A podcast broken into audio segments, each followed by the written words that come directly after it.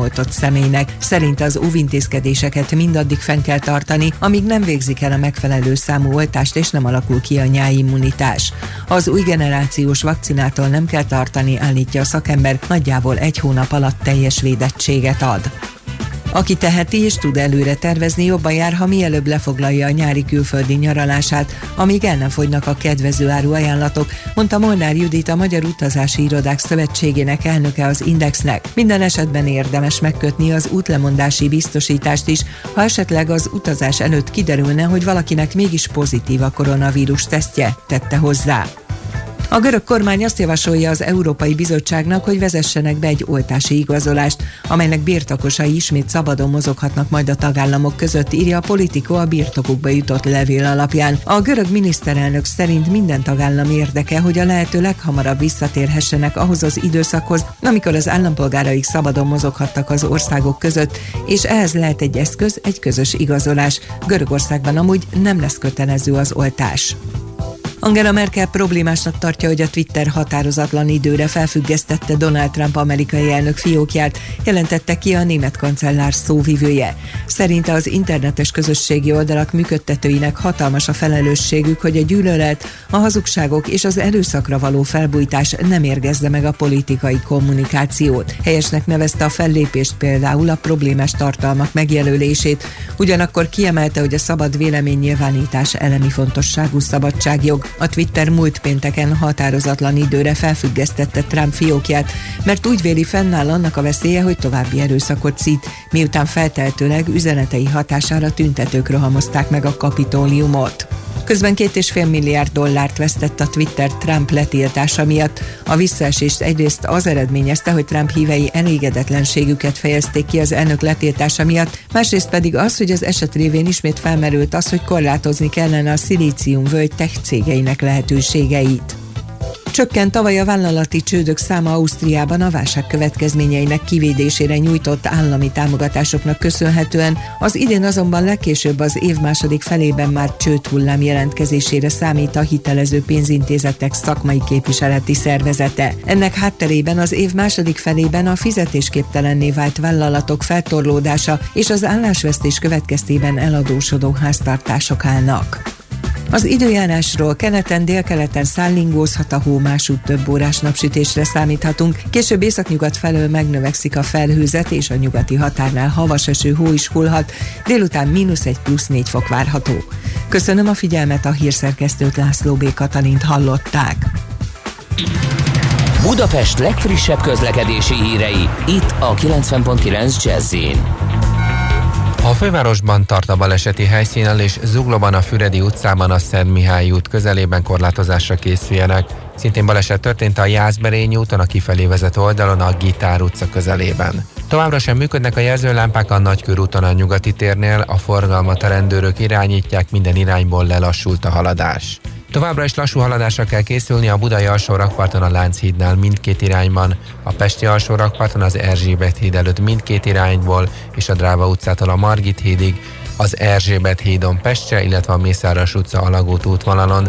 Lépésben halad a forgalom a Szélkámán térre vezető utakon, a nyugati téri felüljáron befelé és tovább a Bajcsi úton, az Andrási úton a Bajcsi út előtt, illetve a Rákóczi úton a Baros tértől. A 14-es villamos helyett pótlóbusz jár Rákospalota Újpest vasútállomás és Káposztás megyer Magyaródi patak között elektromos közmű felújítása miatt. A 20. kerületben lezárták a Török Flóris utcát a Pöltenberg utcánál csatornajavítás miatt, így a Damjanics utcától Zsák utca lett. Siling Zsolt, BKK Info. A hírek után már is folytatódik a millás reggeli, itt a 90.9 jazz Következő műsorunkban termék megjelenítést hallhatnak. be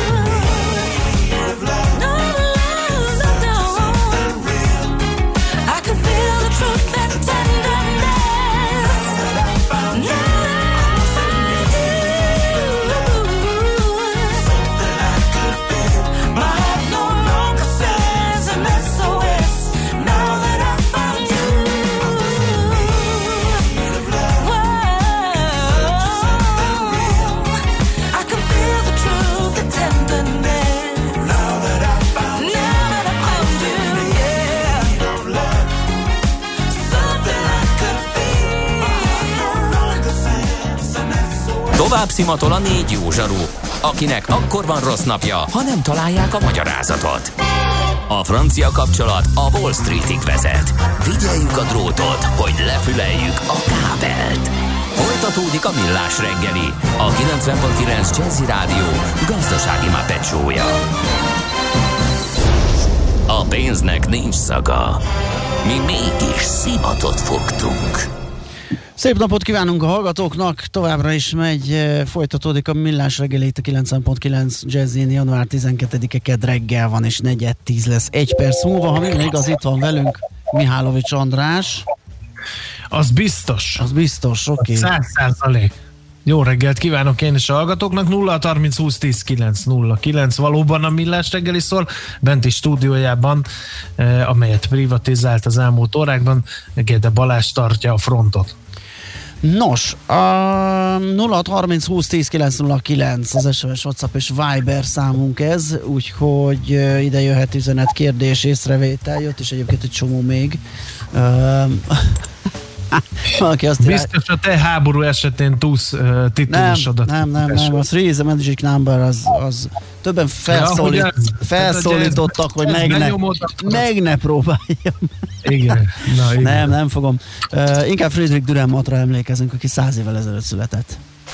Nem ma, és nem mi találtuk fel a spanyol viaszt. Mesél a múlt. A millás reggeli történelmi visszatekintő rovata akkor, abból az időből, amikor pödört bajusz nélkül senki nem lehetett tőzsdeüzér. Érdekességek, évfordulók, események annó. Mesél a múlt. Így trédeltek dédapáink. Nos, tehát eh, Friedrich Dürrenmatt 1921-ben született január 5-én, a kiváló svájci író, drámaíró, képzőművész akiről Katona Csaba történész segítségével fogunk megemlékezni. Szia, jó reggelt! Szervusztok, jó reggelt kívánok, és valóban száz éve láttam a napvilágot Friedrich Dürrenmatt, és Csaba, sokat nem kellett rajta. valamit? Persze. Nem én, hanem a hallgatók. Mi beszélgettünk okay. a második magyar hadseregről? Szerintem nem. Emlékeid szerint? Mert ma reggel felvetődött, ugye ma van a második magyar hadseregnek az emléknapja, és nem akarom széttrolkodni a rendkívül fontos Dürrenmatt beszélgetés, de felmerült hallgatói igényben hogy beszéljünk róluk. Eh, ha máskor nem két év múlva biztos beszélni fogunk róluk, mert akkor lesz a kelek évforduló, ugye 1943. január 12-én. Na mindegy, jó, akkor majd erre később visszatérünk. Héten beszélgethetünk, tehát annyira nincs messze, azt gondolom ez a plusz egy hét. Uh-huh. Jó, akkor beszélgessünk róla a jövő héten, ha már ezt hallgató. róla a jövő héten, mert azt gondolom, hogy eh, a, ez, ez is egy olyan téma, aminek az aktualitását nem kizárólag egy dátum adja meg, tehát vannak kisebb folyosúlyú történetek, Igen. ez viszont azt gondolom, hogy az év minden napján mondjuk úgy, hogy olyan súlyt hordoz, ami egy komolyabb beszélgetés megér, úgyhogy a magam részéről nem hiszem, hogy dátumhoz kéne ezt kötni. Lehet két év múlva, lehet egy hét múlva. Jó, Egyébként okay, Dürren Mattal is csúsztunk egy hetet, tehát ez ugye nálunk Igen. azért nem uh, patika mérlegen torlódnak az évfordulók állandóan, Abszolút. tehát mindig nehéz sok, sok, állunk. Igen, hallgatók látnák azt a háttérmunkát, meg azt a szavazást, választást, amivel próbálunk dűlőre jutni. Hogy... A nemtelen eszközöket, amelyek... Botorkálunk, fogalmazunk így, de valahogy mindig sikerül megoldásra Igen, igen, igen, igen. Na nézzük no, akkor. akkor vissza Düremathoz. Hát Dürrenmatt, ugye Dürrenmattal szerintem a legtöbb ember az középiskolában találkozik, amikor Igen. a irodalomórán szóba kerül a neve, ugye amikor én tanultam 1990-ben, vagy 89-ben, akkor hát ő, ő, még, ő még köztünk volt, hiszen 1990. december 14-én hunyt el, tehát ugye ennek is nemrég évfordulója volt. Mi azonban a születése dátumát választottuk, mert a születés az mégiscsak a szívünkhöz közelebb álló dolog, mint a halál. Én a magam részéről egész egyszerűen azt tudom rámondani, hogy szerintem egy, egy zseniális figura volt. Nézzük meg röviden az életrajzát, aztán próbáljuk meg idézőjelbe bizonyítani, hogy mitől volt zseni. Ugye svájci, ez, ez egy nagyon fontos elem az ő esetében, Ugye Svájc az egy elég sajátos jogállású ország, mert minden tekintetben meglehetősen különutasnak nevezhető. Ő konkrétan egy lelkész családban látta meg a napvilágot. Tehát az édesapja az protestáns lelkész volt, a Svájcban nem annyira meglepő, tehát akárhogy is nézzük, Reinhold Dürrenmatt így hívták az édesapját. Hozzá kell tenni, hogy egyfajta vallásosság az mindig is meghatározta Dürrenmatt világképét, meg alkotását is, de egyébként ez aztán nagyon sok minden mással is bővült, tehát ne egy ilyen hétköznapi ember képzeljünk el, aki minden héten elmegy a templomba és nem gondolkodik ennél sokkal többet, hanem egy nagyon is éleseszű figuráról beszélünk, aki egyébként aztán egyetemre járt, Zürichben, illetve Bernben tanult, tehát két kiváló városban. Na most tanult filozófiát, tanult teológiát, ez nem olyan meglepő, sőt német nyelvet, viszont nem fejezte be az egyetemi tanulmányait. Tehát Dürrematnak nem volt egyetemi diplomája, egész egyszerűen félbeszakította, vagy egészen pontosan nem fejezte be ezeket. Itt ezzel kapcsolatban már is egy olyan dolgot elővennék tőle, ami szerintem jól mutatja az ő hozzáállását a dolgokhoz. Ugye a svájci német, ahogy mondani szokták, a dücs, az egy elég sajátos dolog. Szerintem sokan találkoztak már azzal a élménnyel, hogy úgy vélik, hogy a irodalmi némettel el lehet boldogulni mindenhol, és akkor mondjuk Bajorországban vagy Svájcban problémát okoz a dolog. Már olyan értelemben, hogy az a német, amit ők beszélnek, az nem okoz problémát a megértés tekintetében, de a nekik adott válasz az viszont igen. És Dürre Matt büszke volt erre a Berni tájszólásra, amiben ő írt. És írt is erről egy kis, talán mondjuk így összenetet, véleményem nyelvről, nyelvről címmel, és a következőt írja. Berni tájszólásban beszélek és németül írok, nem élhetnék Németországban, mivel ott az emberek azt a nyelvet beszélik, amelyen én írok. Svájcnak nem a németek által rakott részén élek, mert az emberek ott azt a nyelvet beszélik, amelyet én is. Svájc francia területén élek, mivel hogy az emberek itt nem beszélik sem azt a nyelvet, amelyen írok, sem azt, amelyen én beszélek. És innentől kezdve kicsit nyilvánvalóvá válik, hogy ez az apró kis írása, ez nem feltétlenül arról szól, hogy uh, itt nyelvi kérdéseket feszeget, bár azért azt is, mert úgy fejezi be, hogy azt hiszem, személyes véleményemmel sikerült valami általánosat kifejtenem, a világon melyik író él ott, ahol az emberek azt a nyelvet beszélik, amelyen ő ír, a nyelv, amelyen ír, csupán az ő művében hangzik. Uh-huh. És itt szépen megmutatja az írónak azt a fajta, mondjuk úgy, hogy magányosságát, hogy senki nem fogja úgy írtani a darabját, ahogy ő pont gondolta. De talán még ő maga sem fogja úgy gondolni, ha újra olvassa, ugye? Hiszen akkor már kicsit külsős szemmel nézi. Na és ha látjuk... Ez olyannyira igaz, lehet, egy csomószor átdolgozta a munkáit például, ugye? Igen. Uh-huh. És ugye szerintem ebben a kis részletben, amit én kiválasztottam, megfogható az ő egyik legfontosabb írói eszköze, ugye a paradoxon ami egy nagyon fontos dolog nála, és ha valaki olvasta a fizikusokat, és azt gondolom, hogy azért vagyunk így egy pára, uh-huh.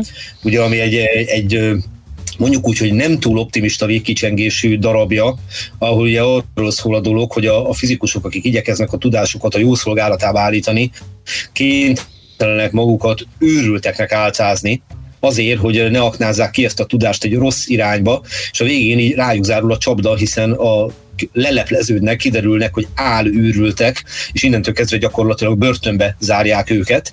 És itt írja, ennek a drámának a végén van 21 pont a fizikusokhoz. Nem tudom, ezt nézte valaki, vagy elkerülte bárkinek a figyelmét. Szóval a dolog lényege, hogy a következőt írja erről. Drámaíró épp úgy nem kerülheti el a paradoxont, mint a filozófus. A fizikus épp úgy nem kerülheti el a paradoxont, mint a filozófus. Egy fizikusokról szóló dráma természetszerűleg paradoxon. A dráma a fizika tartalmi kérdéseiről nem szólhat csupán a hatásáról, a közös tartalmi kérdések, a fizikus ügye, a fizika hatása mindannyiunk ügye. Hosszan sorolja végig ezt a dolgot, és a végén arra fut ki, hogy a paradoxonban a valóság tükröződik, aki elutasítja a paradoxont, kiszolgáltatja magát a valóságnak. A dramaturgia elhitetheti a nézővel, hogy kiszolgáltatja magát a valóságnak, de arra nem kényszerítheti, hogy helytálljon a valósággal szembe, vagy azt meg is változtassa. És ugye maga ez a gondolatszor is egy merő paradoxon. Hát ezzel a tudással, gondolkodásmóddal, ami neki volt, azt gondolnánk, hogy rögtön színpadi sikerek sora szegélyezte a kezdő drámaíró útját, ez azonban korán sem így van. A két első darabja az megbukott a színpadokon, a Vak, illetve a Meg írva című darab. Hát mindkettő teljesen sikertelen darabként vonult be a svájci és a világirodalom történetébe, illetve hát a világirodalom ebben sem vonult, mert el sem jutott odáig. Viszont egy idő után azért mégiscsak sikerült neki olyan műveket letenni az asztalra, és sokakat sorolnak, hogy ki mindenki hatása érhető tetten a munkáiban, George Bernard Shaw-tól kezdve Thornton Wilderig, de talán ez nem is annyira fontos. Mik a legismertebb művei? Én azt gondolnám, hogy ezekre fókuszáljunk, hiszen a rendelkezésünkre álló idő szűkös. Hát említettem a fizikusokat, ami azért tényleg egy mondjuk úgy, hogy nem pozitív kifutású darab, és végképp nem pozitív kifutású darab az öreg hölgy uh-huh. látogatása. Ez ugye egy valóságos krimi.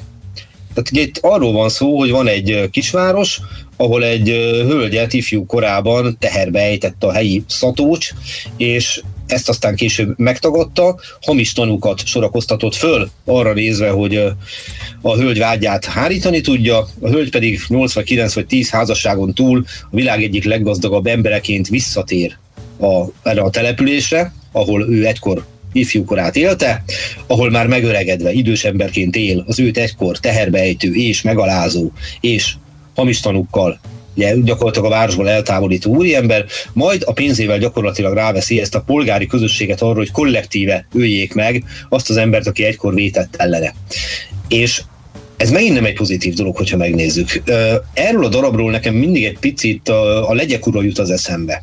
Ahol ugye arról van szó, hogy valamilyen körülmény hatására azt a fajta kontrollt, amely közmegegyezésen alapul, hogy bizonyos dolgokat nem teszünk meg, ezt valami felülírja. Adott helyzetben a pénz hatalma, tehát a rendkívül kísértés, és ilyet aztán találunk rengeteget a világirodalomban, értékesebb és kevésbé értékes alkotásokban is. Mit tudom én, James Bond, Living Daylight, Timothy Dalton, ahol ugye az egyik FBI ügynök két millió ér, Franz Sanchez kiszabadítja az FBI börtönéből. Hát Düren Matani picit palírozottabban írta meg a dolgot, hogy finoman fogalmazzak. A legyek urában pedig az derül ki, hogy gyakorlatilag egy természeti környezetbe kerülve, ahol eltűnik a felsőbb társadalmi kontroll, a közkontrollja, ott ugye a gyerekek jutnak el odáig, hogy gyakorlatilag a gyilkosságtól se riadnak vissza. Ugye amikor Röfinek a fejére ejtik a, a hatalmas követ, mondván, hogy akkor te most itt nem beszélsz, hanem az erő dönti el, hogy miről van szó. És ez az erő jelenik meg itt a pénzben is. És kerestem ezzel kapcsolatban egy elég érdekes idézetet, hogy uh, hogyan és miként lehet megközelíteni ezt a témát is. Dürrematnak a darabját, ugyanis az öreghölgy látogatását bemutatták Magyarországon is, méghozzá meglehetősen korán 1959-ben. Ugye túl vagyunk már az 56-os forradalmon, de még a kádári enyhülés nem jön el, kemény időket élünk, és itt sikerül bemutatni ezt a darabot, méghozzá úgy, hogy az idős úriembert, aki áldozatul esik a kollektíven megvesztegetett közösség, mondjuk úgy, hogy erőszakjának, nem más jeleníti meg, tehát Ilt, így hívják a úriembert, mint Bilicsi Tivadar. És ugye Bilicsi Tivadarról általában ez a komédiás Igen. énekes szerep jut az eszünkbe. Itt viszont konkrétan ő játszotta ezt a drámai szerepet. Nagyon érdekes egyébként, hogy a, a kritika hogyan és miként illette őt. Azt írják Bilicsiről, azt mondja, Bilicsi Tivadar Ilsz Atócsa alapján kitűnő, részleteiben azonban nem mindenütt egyenletes. Ez különösen a második felvonásban legszembetűnőbb, túl korán kezdi a rettegést. A végső nagy drámai összecsapásnál már nem tudja tovább fokozni. Hát ez nyilván egy konkrét embert illető kritika, viszont mit hoznak ki a Dürren Matti darabból? 1959 Magyarország. Hát természetesen a polgári társadalom működésképtelenségét. Mit ír a kritikus? A polgári társadalom fertelmes fertőjét festi Dürrenmatt. Azok az emberek, akik egykor Zahanassiánt utcalányáz üllesztették, mert szemükben mindennél szentebb volt az érdekházasság intézménye, most ítéletet mondanak egyik társuk felett, aki lényegében semmi más nem tett, csupán a magyarok meggyilkolásával törvények szerint élt és cseleke. Maguk megalkotta törvények szerint élt és cselekedett. És a végén arra futtatja ki, hogy lám, lám, Dürremat mennyire helyesen látja, hogy a kapitalista és az imperialista uh-huh. világ az gyakorlatilag működésképtelen. De képtelen észrevenni a kiutat, negatívummal zárul a mű. Miért? mert nem látja azt, hogy bezzeg az egyetlen helyes társadalmi rend, a létező szocializmus, kommunizmus igenis kiutat mutathatna ebből, idézem, ha a kiutat felvillantaná, és csak azután mondaná ki az ítéletét, a kiút a kapitalista társadalomban lehetetlen, akkor végítélete csak a kapitalista világot érinteni. Itt azonban végső következtetése a sok részigasság ellenére is hamisan cseng. Hát így sikerült a Pesti Magyar hírlapba megsemmisíteni Dürrenmatt egyik legnagyobb darabjának a végkicsengését. Maradjunk annyiban, hogy nem biztos, hogy egyet kell értenünk a kritikussal, nyilván hát meg volt neki az oka, hogy így írjon. De még egy darabra mindenképp kitérnék. Nekem a személyes kedvencem, nem tudom, hogy ki hogy van vele, ez a Nagy Romulus.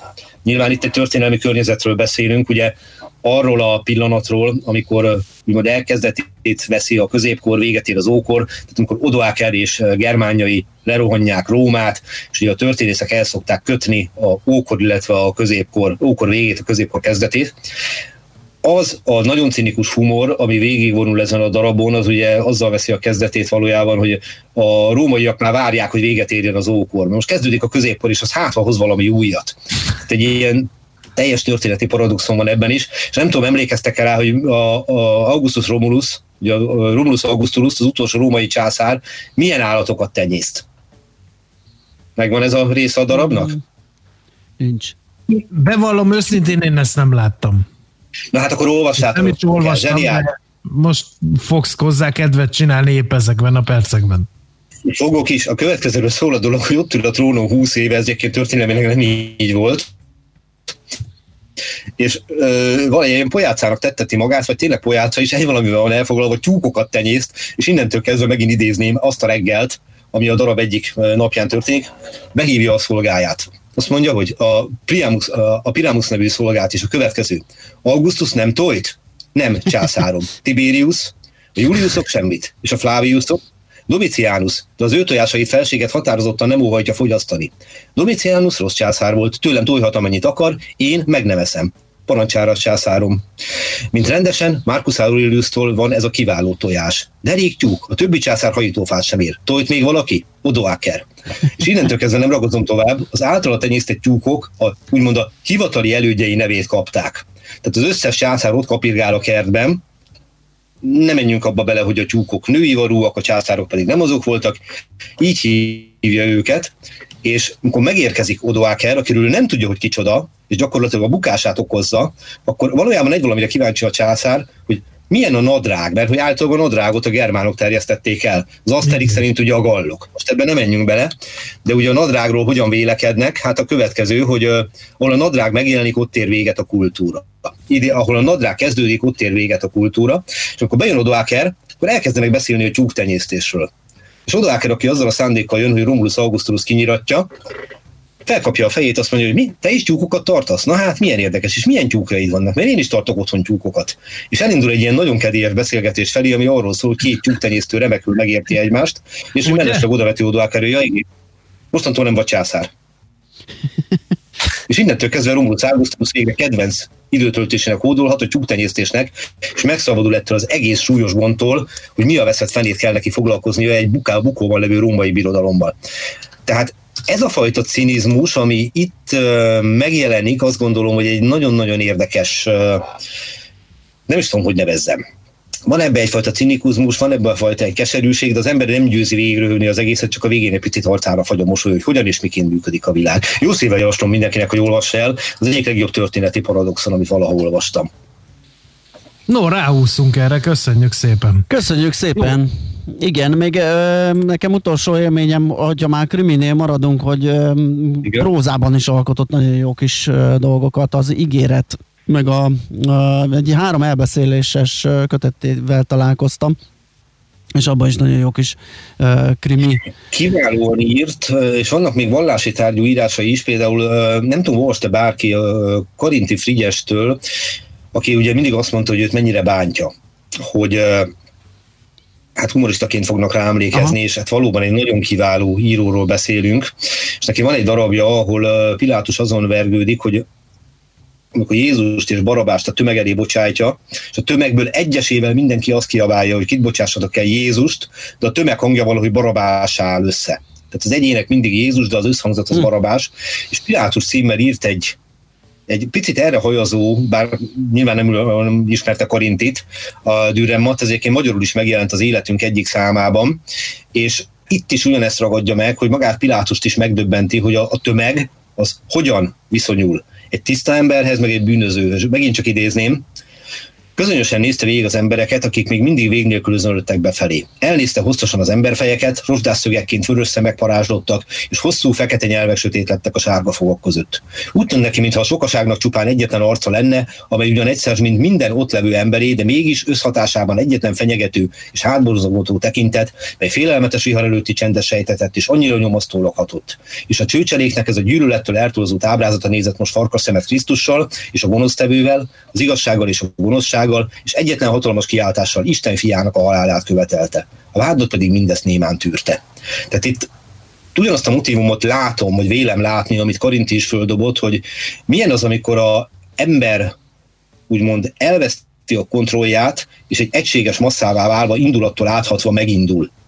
És ez egy nagyon-nagyon sokszor visszatérő motivum az irodalomban, de Dürrenmattnál is, de hogy ne ilyen szomorúan búcsúzzunk tőle, hadd utaljak egy egészen sajátos kapcsolódási pontra. Volt neki egy felesége, aki a haláláig a felesége volt, mármint hogy a feleség haláláig, Lotti Dürrenmatt, őt 1946-ban, tehát fiatalon vette feleségül, és 1983-ban hunyt el ez a hölgy, de az élete utolsó néhány évében Dürrenmatt a második feleségével élt, Charlotte Charlotte Kerrel, vagy Charlotte Keller, Kerrel, aki egy német rendező volt, és egy dolgot szeretnék vele kapcsolatban földobni, mert szerintem ez egy, egyfajta Dürrenmatti poén. Hát kérem szépen, ő az Orion űrhajó fantasztikus kalandjai egyik színésznője volt, Lídia van Dijk tábornokot, a hídról cirkáló parancsnokát alakította benne, úgyhogy így módon Maklén parancsnok Tamara és az Orion rácsatlakozik Dürrenmatra. Hát ez...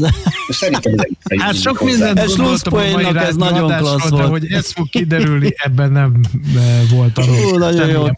A világon minden minden összefügg. Abszolút.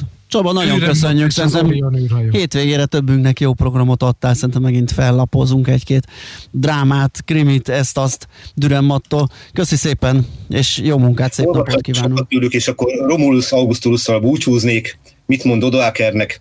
Valóban egy de kevesebbet tojnak, magunk közt, tyúktenyésztők közt szólva, gondban vagyok miattuk. Hát ez mutatja azt, hogy milyen az, amikor valaki túl magasra kerül, és lejjebb egy picit jobban megállná a helyét. By the way, Jodo Aker azért nem csak tyúktenyésztő volt. De mondjuk úgy, hogy űrnek pedig is érdemes beszélni, mert egy Igen. elég érdekes figura volt ő is, a, a, akit ugye a római birodalom megdöntőjeként tart nyilván a történelem. Nagyon hát, köszönjük. Mi jutott megdöntésre, neki a római birodalom. Nagyon Igen. köszönjük még egyszer, Csaba, szép napot kívánunk neked. Köszönöm a figyelmet, szervusztok! Szia! Katona Csaba történésszel beszélgettünk a száz évvel ezelőtt született Friedrich Dürrenmattról. Mesél a múlt robotunk hangzott el. Kövesd a múlt gazdasági és tőzsdei eseményeit kedd reggelenként a Millás reggeliben. Műsorunkban termék megjelenítést hallhattak. Rövid hírek a 90.9 Jazzin.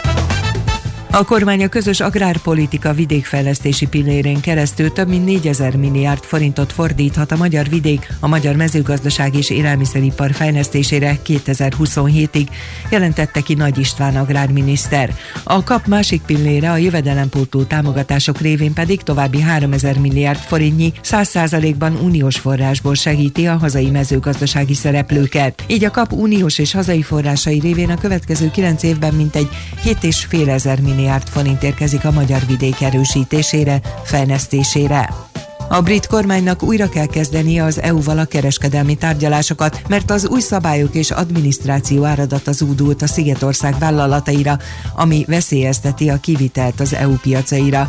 Boris Johnson miniszterelnök korábban azzal nyugtatta a kedélyeket, hogy szabad és egyszerű lesz a kivitel az unió egységes piacára a Brexit után is, ám ez nem így lett. Akadozik az áruforgalom Észak-Írország és Nagy-Britannia között is, mivel a brit kormánynak az EU ügynökeként vámolnia kell a két ország részt között szállítandó árukat. Szükségállapotot hirdetett Washingtonban Trump a kapitólium ostroma után újabb zavargásoktól tartanak. A rendelkezés lehetővé teszi az amerikai belbiztonsági minisztérium és a szövetségi katasztrófelhárítási ügynökség számára, hogy szükség szerint összehangolják tevékenységüket a helyi rendvédelmi hatóságokkal. A kapitólium ostroma nyomán egyébként is megszigorították az amerikai fővárosban a biztonsági intézkedéseket Biden ünnepies beiktatására tekintettel. A Nemzeti Gárda mintegy 15 ezer katonáját vonják össze Washingtonban, hogy a helyi rendfenntartókat segítsék.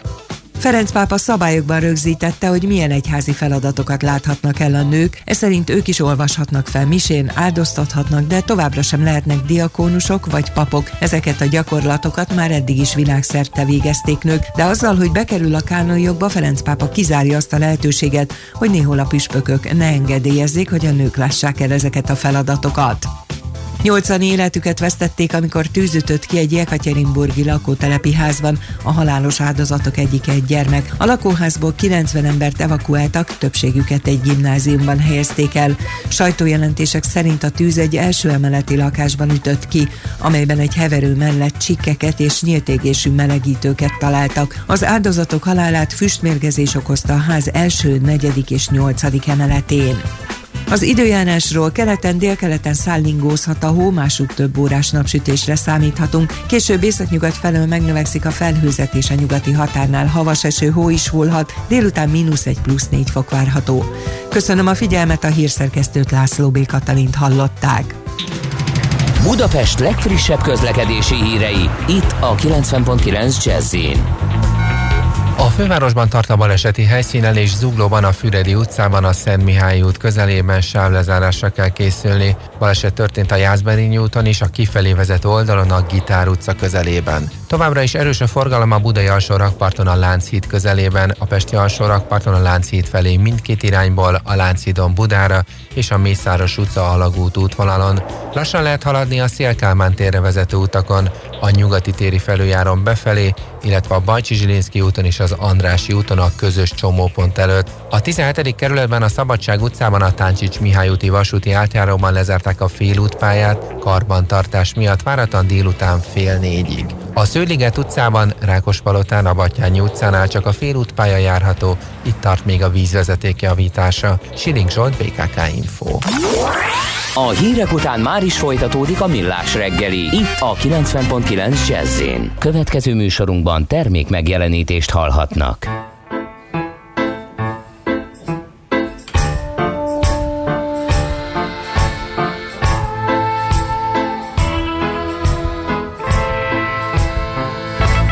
Well, I don't go to church on Sunday.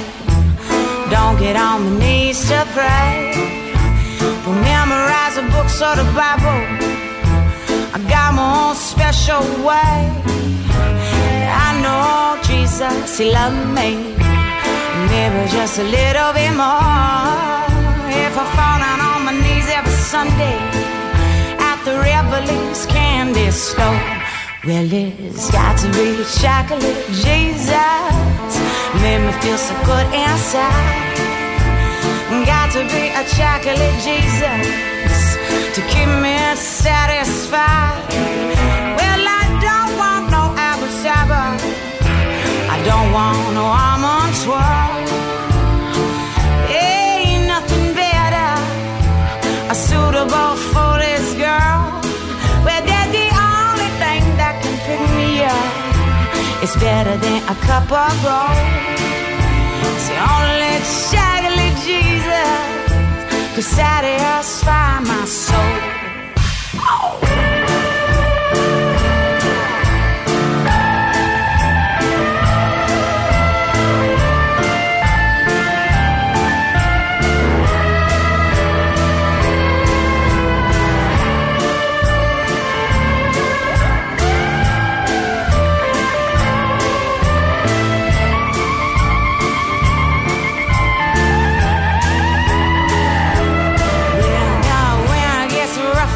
Whiskey in the shade. Best wrap your saver up in cellophane.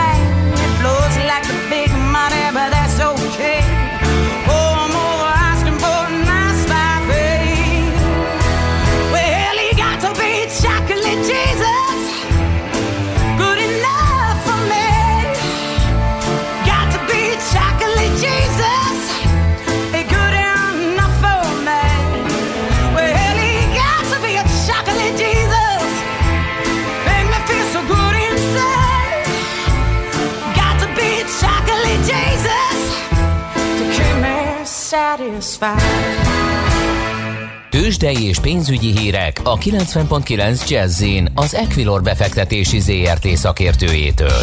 Equilor, 30 éve a befektetések szakértője. És Deák Dávid üzletkötő mondja ma reggel nekünk a tutit. Szia, jó reggelt! Sziasztok, jó reggelt, üdvözlöm a hallgatókat! Na, hogy sikerült a nyitás? Hát itthon kisebb mínuszokat láthatunk, most fél százalék körüli mínuszban áll a budapesti értéktős, de 44.510 ponton van a Bux Index, forgalom is meglehetősen alacsony, 1 milliárd forint, a vezető részvényeink közül gyakorlatilag a Magyar Telekom tud egyedül emelkedni 6%-os pluszban 404 forinton áll.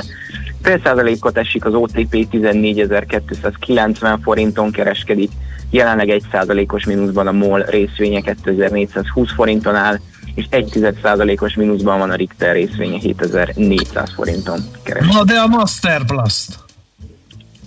A Masterplast uh, igazából ma uh, úgy látszik, hogy olyan nagyon nagy mozgás nem produkál, mint tegnap, azért itt tegnap megjárta a mélységeket, meg meg a csúcsokat is. Most 3,3%-os pluszban 2500 forinton kereskedik a Masterplastot.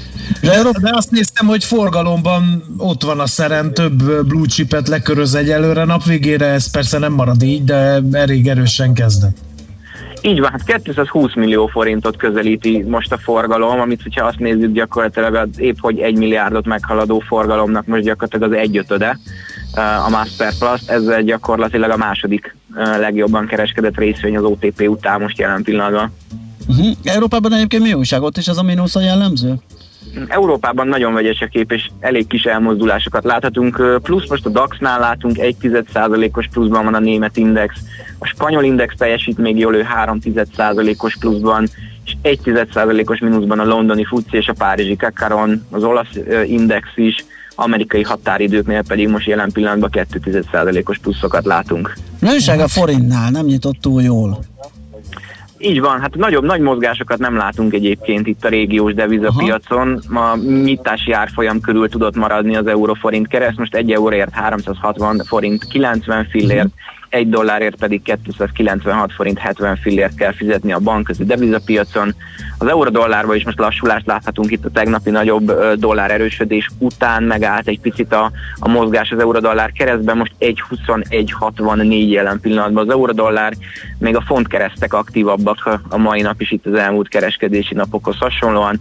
Az eurofont most 0.89.78, még az angol font amerikai dollár kereszt most 1.35.50-en áll jelen pillanatban.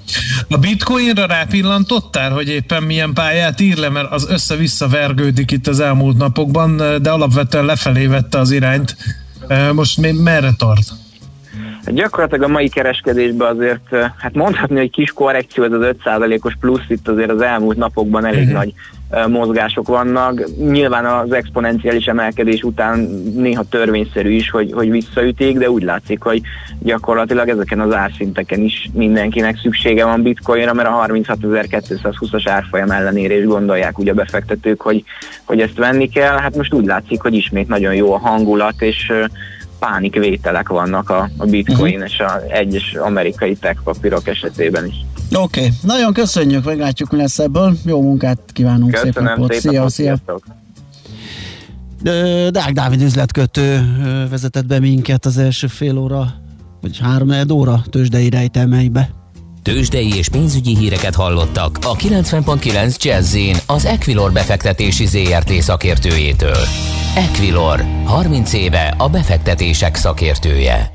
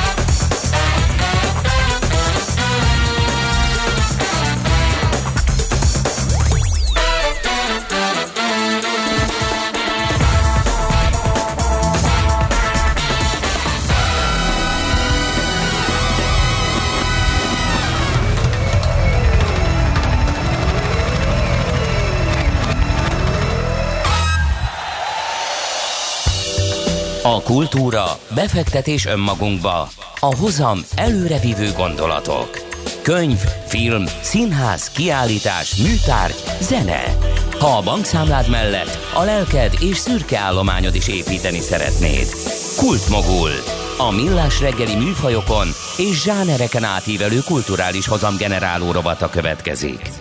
Hú, vajon hányszor játszódhatott le a történelembe az a jelenet, amikor a gyermek a szülei előáll, hogy ő művész lesz, és azok meg a fejükhöz kapnak, hogy jaj, csak azt lehet földön futó leszel, tanulj valami tisztességes szakmát, amivel pénzt lehet keresni. Na hát ez lesz a témánk, hogy hogyan élj meg művészként, és ebben fog nekünk segíteni, vagy eligazítani Csizmadi Péter, a Budapesti Metropolitan Egyetem művészeti és kreatív ipari karának dékánya. Jó reggelt kívánunk! Jó reggelt kívánok!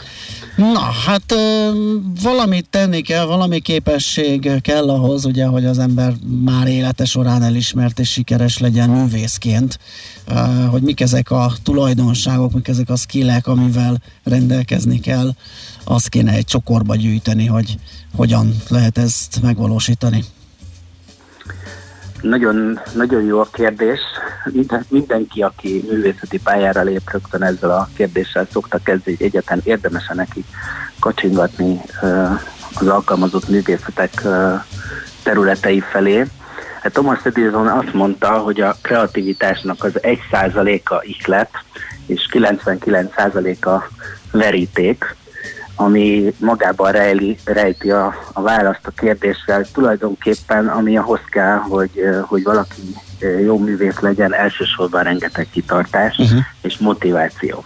A jó hírem az az, hogy, hogy a legtöbb készség, ami, ami bármilyen művészeti pályán kell, az fejleszthető elég magas szintre, tehát rengeteg gyakorlással, mint a biciklizés szokták ezt a párhuzamot hozni minél többet gyakorolja az ember, annál profibb lesz benne. Hát így van ez a művészeteknél is, bár az kétségtelen, hogy, hogy szükség van azért némi orientációra, tehát egyértelmű, hogy, hogy minden fiatalban, aki művészeti pálya felé kacsingat, azért kialakul egy kép, hogy melyik az a művészeti ág, ami, ami neki tetszene, és mi az, ami, ami neki fekszik is a képességei között esetleg bizonyos képességek fejlettebbek már, mint a többi, és akkor nyilván azt, azt a területet választja.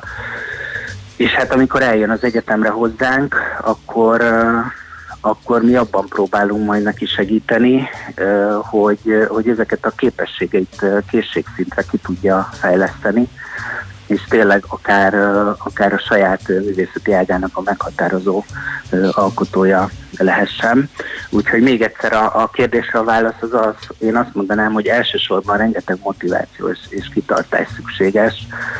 Nem egy, nem egy egyenes pálya ez a művészé válás, bár azt mondhatom, én építész vagyok, ami valahol a művészetek és a tudományok, vagy műszaki tudományok között van félúton, hogy egyik pálya sem, sem egy kitaposzott öszvény, tele van nehézségekkel, de az egyetemen az oktatóink ebben segítenek a hallgatóknak, hogy ezeket a, ezeket a buktatókat már az egyetemen megismerjék, hogy aztán az életben ezt el tudják kerülni, és, és valódi portfólióval, illetve uh-huh. tapasztalattal rendelkező hallgatók végezzenek, akár bachelor, akár master képzésen. Uh-huh. És az, az, az egy valós elvárás mondjuk, vagy egy létező jelenség, hogy itt az egyetemen a Metropolitanen például arra is tanítják a hallgatót, hogy hogyan kell érvényesülni a piacon, tehát a különböző művészi és a saját művészeti ágában. Igen, hát az, az, egy, az egy ugye nagy tragédia, ha valaki kosztumusz kap elismerést, tehát, hogy, és erre számtalan. Aztán azért, mert nagy, nem tudta menedzselni a saját sikerét, vagy a saját tehetségét. Igen sikerre Nagyon, váltani. Ez, ez, is egy, ez is egy adekvát kérdés. Abban a szerencsés helyzetben vagyunk a Metropolitan Egyetemen, hogy két karból áll az egyetem. Az egyik egy üzleti és turisztikai kar, kommunikációs üzleti és turisztikai kar, a másik pedig a mi karunk, a művészeti kar és ez olyan szinergiákat rejt magába, amit, uh, amit kisaknázunk. Mit jelent ez? Például, hogy egy nagyon friss uh, projektet mondjak, most hirdetünk meg egy olyan kurzust a, a az üzleti karral közösen, ami gyakorlatilag egy projektmenedzsment kurzus, a hallgatóink által készített alkotások jelentik az alapját ennek a kurzusnak, ahol ahol interdisziplináris csoportokat fognak alkotni, tehát lesz kommunikációs hallgató a csapatban az órán, lesz, ugye ott lesz a művészhallgató, aki a témát hozta, tehát az alkotást, ott lesz üzleti területen jártas, HR területen jártas hallgató, és ők fognak egy csapatot alkotni úgy, mint az életben, és tulajdonképpen a művész kolléga vagy művész hallgató által hozott alkotást szimuláljuk azt, hogy ezt az alkotást hogyan lehetne a piacra vinni, és hogyan lehetne ebből terméket tulajdonképpen készíteni, vagy egy terméket rakni a piaci palettára. Azt azért ki kell hangsúlyozni, hogy a, nálunk az egyetemen alkalmazott művészeti szakokat illetve tudásokat adunk át, szakokat oktatunk. Tehát ez, ez nem egy... Egy fokkal előnyösebb. Így, így van, így van, tehát azért ez valódi uh-huh. kapcsolatokat jelent akár a, akár a piacra, akár az iparral. Úgyhogy, úgyhogy a kérdésre az a válasz, hogy mi abszolút kihasználjuk azokat a szinergiákat, ami az egyetem struktúrájában rejlik, hiszen felismertük mi is azt, amit, amit önök is itt az előbb említettek, hogy, hogy hiába az egyéni hang, meg a művészi véna, hogyha nem tud érvényesülni a, a, a metus hallgatónk a piacon, akkor, akkor a diplomája talán nem ér annyit, mint a... Hadd kérdezzek egy, egy, egy provokatívat is. Uh-huh. Ha valaki csak önmagában hisz, meg mondjuk talán még a szülei hisznek benne, de a képzésen kiderül, hogy hát ez a való életben lehet, kevés lesz, igen. lesz akkor erre, erre is figyelmezteti az intézmény. Illetve van-e megoldás arra, hogy valahogy másfelé orientálódjon, vagy más csináljon? És ne veszten el mondjuk az addigi munkája. Igen, van megoldás, hogy a kreditrendszer egyébként is ad erre lehetőséget, hogy, hogy bizonyos megszerzett tudásokat párhuzamosan futó egyéb szakokra úgynevezett kredit elismeréssel át lehessen menteni, tehát hogyha időben rájön a hallgató arra, hogy, hogy mégsem ez az a pálya, hanem egy másik művészeti ág lenne neki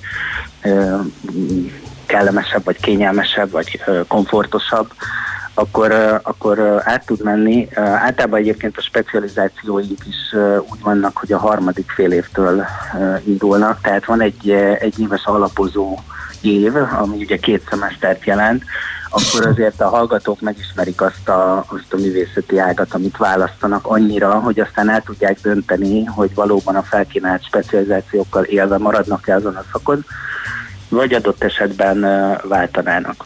De még egy dolgot ehhez hozzáfűznék, ehhez a kérdéshez, mégpedig az, hogy hogyan tudunk ugye az ilyen jellegű hallgatóknak, vagy egyáltalán a, a kis alkotóinknak visszajelzést adni, hogy, hogy jó helyen vannak-e, és hogy nem csak arról szól ez a eltöltött idő, hogy hogy saját magukat fényezve, illetve az önbizalmukat növelve aztán egy hamis képet alakítanak ki magukról, és erre az a válasz, hogy van egy oktatás módszertanunk, amit úgy hívunk, hogy My és ennek az az alapja, hogy, hogy a tanulmányaik során a, a az alkotóink uh, tulajdonképpen folyamatosan visszajelzést kapnak arról, hogy az ő képességeik hogyan fejlődnek pontról pontra, illetve van benne például egy önértékelési uh, rész is, ami kimondottan uh, azért került bele, hogy legyen egy önreflexiója az alkotóknak saját magukról, hogy visszatekintve, vissza-vissza tekintve mindenféle év végén lássák azt, hogy honnan, hova jutottak, mm. és ez megfelele azoknak az elvárásoknak, amivel ők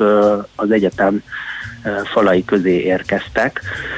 Úgyhogy, úgyhogy erre kidolgoztunk egy oktatási módszertant, amit, a, amit az üzleti karon már második fél éve elkezdtünk bevezetni, és a művészeti karon is most indul ez a, ez a, ez a munka. Úgyhogy én azt gondolom, hogy bőven van annyi visszajelzés a hallgatók felé, hogy egy reális képet tudjanak kialakítani magukról, maguknak. Oké, okay, hát most ennyi fér bele, de szerintem erről még fogunk beszélgetni, úgyhogy nagyon köszönjük, hogy ezt most is lehetővé tette. Én is köszönjük köszönöm. a beszélgetést, jó munkát és szép napot kívánunk. Szép napot, minden Viszont hallásra. Viszont hallásra. Csizmadi Péterrel a Budapesti Metropolitan Egyetem Művészeti és Kreatív Ipari Karának dékányával beszélgettünk. Kultmogul. A millás reggeli műfajokon és zsánereken átívelő kulturális hozamgeneráló rovata hangzott el. Fektes be magadba, kulturálódj! Na hát eh, ennyi fért a mai millás reggelibe, hogyha gyorsan el is húzunk, mert lejárt az időnk. László Békat jön a hírekkel, aztán sok zene, délutáni programok uzsonnak a bant Happy Hours és ragyogó napsütés. Szép napot mindenkinek, sziasztok! Sziasztok! Már a véget ért ugyan a műszak, a szolgálat azonban mindig tart, mert minden lében négy kanál. Holnap reggel újra megtöltjük a kávés bögréket, beleharapunk a fánkba és kinyitjuk az aktákat. Addig is, keressetek minket az arcaktákban, a közösségi oldalunkon. A mai adás podcastjét pedig holnapunkon. Millás reggeli, a 90.9 Jazzy Rádió gazdasági mapetsója. Ha csak egy műsorra van időd idén, tégy róla, hogy ez legyen az. Csak egy dolog lenne még. Műsorunkban termék megjelenítést hallhattak. Hírek a 90.9 Jazzin. Közel 51 ezer ember oltására elég vakcina érkezik Magyarországra. A spanyol rendőrség több mint 800 ezer extazit foglalt le az ország valaha volt legnagyobb szintetikus drogfogásában. Még a nap is előbújhat ma, de kisebb húszállingózás is lehet mínusz 1 plusz 4 fokkal. Köszöntöm a hallgatókat, következnek a részletek. Közel 51 ezer ember oltására elég vakcina érkezik ma Magyarországra. A Pfizerből 81 tálca, amely több mint 47 ezer ember oltását teszi lehetővé. Továbbá megérkezik az első Moderna vakcina szállítmány is, ebből 7200 adag, amely 3600 embernek elegendő. A most érkező oltóanyagokkal folytatódhat az egészségügyi dolgozók, valamint az idős otthonok lakóinak és dolgozóinak oltása. Az oltás ütemét gyorsaságát a vakcinák érkezése határozza meg. 696 fővel emelkedett a beazonosított fertőzöttek száma itthon az elmúlt 24 órában, elhunyt 128 többségében idős krónikus beteg. Jelenleg 5005 koronavírusos beteget ápolnak kórházban, közülük 356-an vannak lélegeztetőgépen.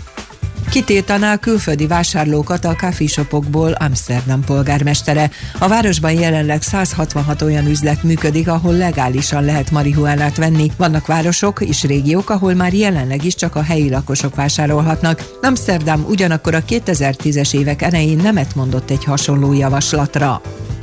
Fokozottabban figyeli dolgozóit a Google, miután azok szakszervezetet alapítottak. A cég azzal bízta meg a belsős levelező csoportok kezelőit, hogy vizsgálják át a beszélgetésekben résztvevő dolgozók e-mailjeit, és jelöljék meg azokat a hozzászólásokat, amelyek bomlasztó tartalmúak, írja a Telegráf belsős forrásokra hivatkozva. A cég figyelmeztette a munkatársakat, hogy a tárgyalótermeket és az iroda más területeit is kizárólag csak munkahelyi feladatvégzésre használhatják. Korábban már többször is lehetett hallani arról, hogy a Google nem szereti a kritikus hangokat. Tavaly az Egyesült Államok Nemzeti Munkaügyi Tanácsa azzal vádolta meg a kereső céget, hogy törvénytelenül kémkedett alkalmazottai után is annak kiderítésére, hogy mozgolódnak-e valamilyen szakszervezeti jellegű területen.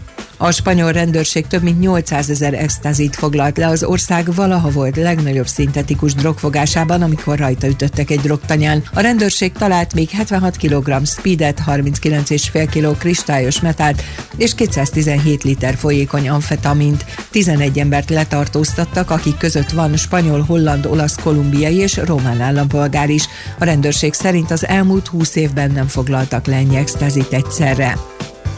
A férfiaknál a labdarúgó Szoboszlai Dominikot, a nőknél a cságáncsozó Karakas Hedviget választotta meg a 2020-as év sportolójának a Magyar Sportújságírók Szövetsége.